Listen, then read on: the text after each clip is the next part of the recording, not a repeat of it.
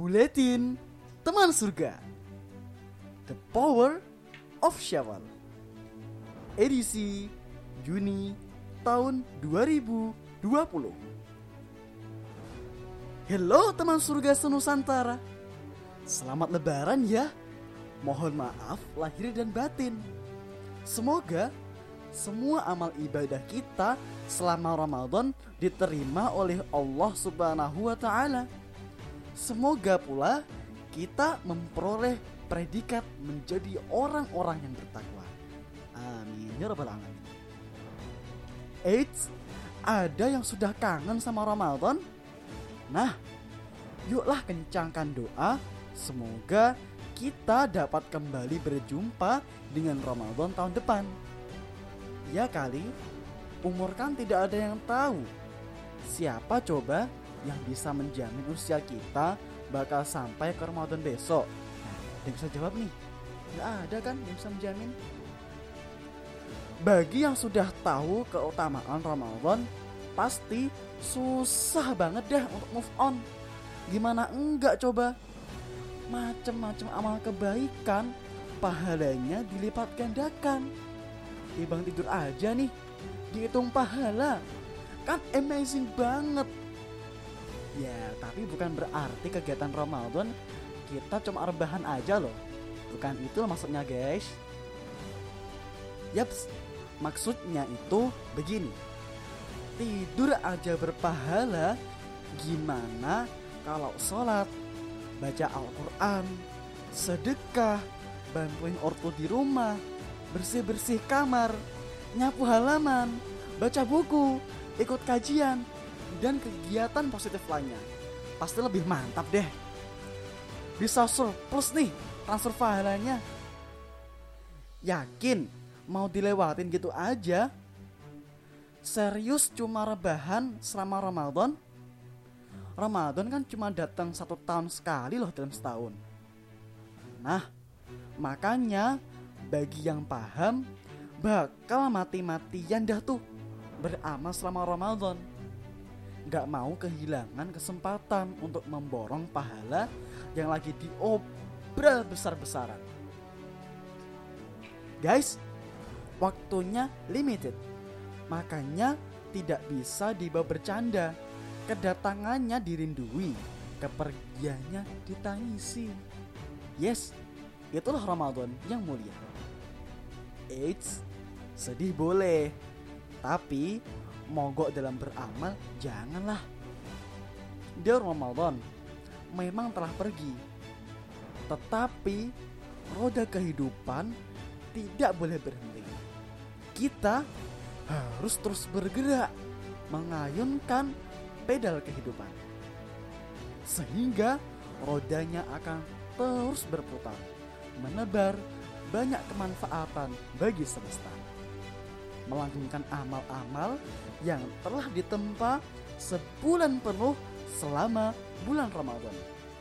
Sehingga kita sampai pada Ramadan tahun depan dengan kondisi iman yang kian cantik dan cemerlang. Insya Allah. Setelah Ramadan terbitlah Syawal tidak kalah mulia, bulan Syawal juga memiliki banyak sisi istimewa.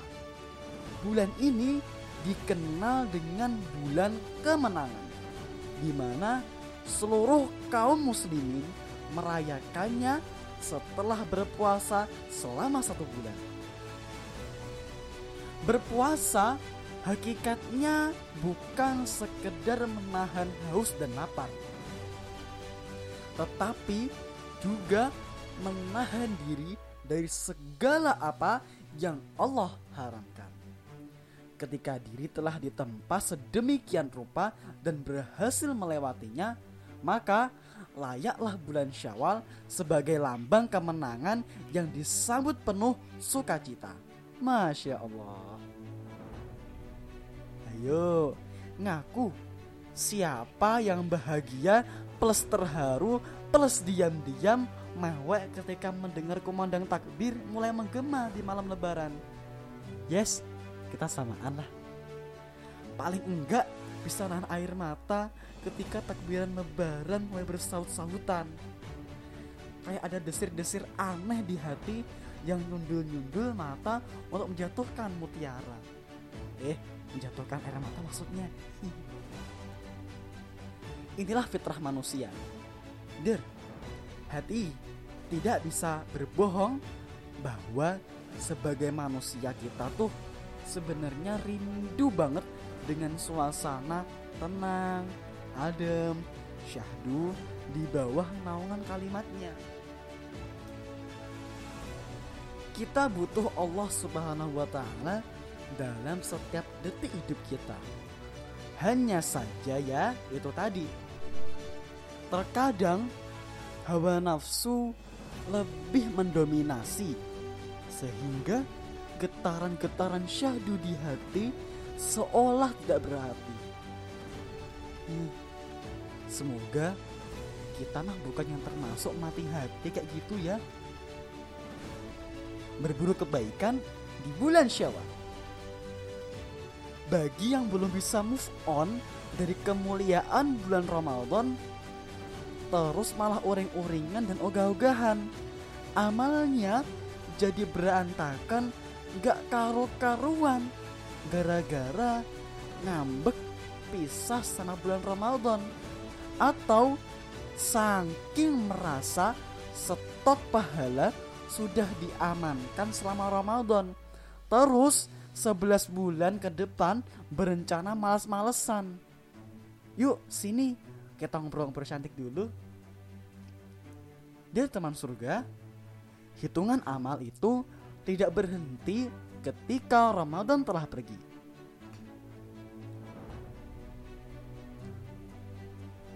Amal kebaikan wajib terus jalan loh. Malaikat Rokib dan Atid always menjalankan tugasnya. Mencatat semua amal-amal kita. Tidak peduli di bulan Ramadan atau di luar bulan Ramadan. Selama kita masih bernafas, maka selama itu pula catatan amal terus melaju. Yakin masih bertahan dalam kehaluan? Stop kuy. Kita kudu bangkit untuk terus beramal sampai tapak kaki kita benar-benar menjejak di surga. Taman surga nan saleh saleha banyak banget amalan terbaik yang sayang untuk dilewatkan selama syawalan. Berbagai kebaikan yang juga menjanjikan pahala menggiurkan dapat kita raup di bulan nan fitri ini. Jadi, tidak ada alasan bagi kita untuk berhenti beramal. Dear, sebaliknya, kita tuh kudus semakin giat berlomba-lomba untuk berbuat kebaikan. Lagi pula, bukankah buah takwa itu terlihat pasca bulan puasa? Yap, banyak sekali ulama menjelaskan bahwa sukses atau tidaknya seseorang di bulan Ramadan ditentukan oleh kesudahan. Maksudnya, bulan-bulan sesudah Ramadan itu sangat menentukan apakah amalan-amalan kita selama Ramadan diterima oleh Allah Subhanahu wa taala atau tidak.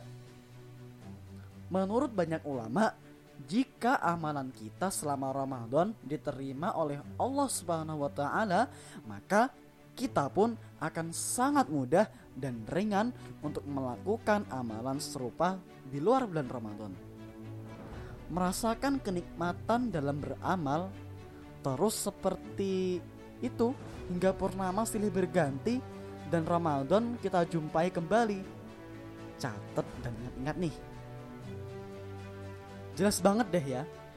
Jika sesungguhnya Allah menjadikan bulan Ramadan sebagai wadah untuk menempa kita sehingga kita akan kuat dan tangguh dalam beramal saleh dan di 11 bulan berikutnya. Luar biasa. Baiklah, kembali lagi ke soalan bulan Syawal. Apa saja sih amalan yang diperjualkan? Cekidot. Yang pertama, puasa 6 hari di bulan Syawal. Siapa yang berpuasa Ramadan kemudian berpuasa enam hari di bulan Syawal, maka dia seperti berpuasa setahun. Hadis riwayat Muslim. Diri pemburu pahala sebagai bekal menuju surga. Ijo enggak sih mata lihat hadis begini? Bener guys, ini tuh udah kayak gunung emas di depan mata. Jangan sampai kita biarkan lolos. Khusus bagi sobat muslimahnya, kudu ketat binti deh untuk ngitungin kalendernya sebelum tamu bulanan datang. Usahakan sudah kelar membayar utang puasa Ramadan. Setelah itu, cus nyambung ke bulan Syawal. Kapankah waktunya puasa Syawal? Pastinya di bulan Syawal ya guys. Bisa dimulai di hari kedua. Jangan coba-coba nih puasa di hari pertama loh ya. Mentang-mentang semangat mau borong pahala. Satu Syawal pun dijabani puasa. Eh, kagak boleh nih ya. Haram hukumnya neng. Bukannya pahala yang didapat, guiran dosa nih yang akan membasahi kita. Wah, jadi ambiar. Jadi, puasa Syawal itu boleh dilakukan mulai hari kedua di bulan Syawal. Waktunya bebas milih selama bulan Syawal itu. Boleh enam hari berturut-turut, boleh juga putus nyambung gitulah. Yang kedua, silaturahmi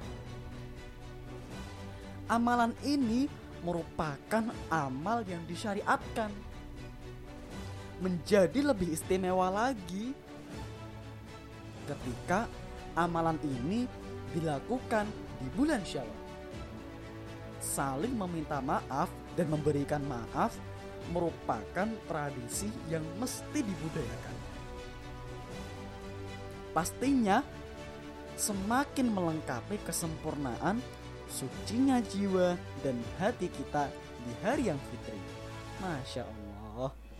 Oh ya, lebaran kita tahun ini lebaran yang istimewa kan? Iya. Yap, kita berlebaran di tengah pandemi corona. Berbagai pertemuan fisik dibatasi, apalagi bersifat kumpul-kumpul. Sama sekali tidak boleh dilakukan. Namun demikian, aktivitas silaturahmi tetap bisa diupayakan loh. Kita bisa memanfaatkan teknologi untuk berlebaran tahun ini. Yes, tidak ada rotan, akar pun jadi.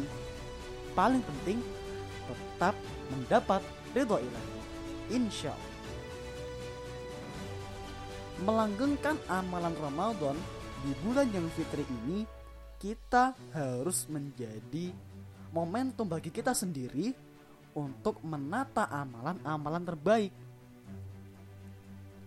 Sudah selama satu bulan kita ditempa untuk melakukan puasa, menahan hawa nafsu, sholat wajib tepat waktu, memperbanyak sholat sunnah, bersahabat dengan Quran, sedekah, dan masih banyak amal-amal yang soleh lainnya. Semestinya waktu satu bulan sudah cukup menjadikan kita amalan-amalan tersebut sebagai habit atau kebiasaan baru bagi kita. Jangan biarkan habit keren ini menguap begitu saja. Kita nih ya harus merawat dan menjaganya agar terus ada bahkan yang kuat setiap waktunya. Bagaimana caranya?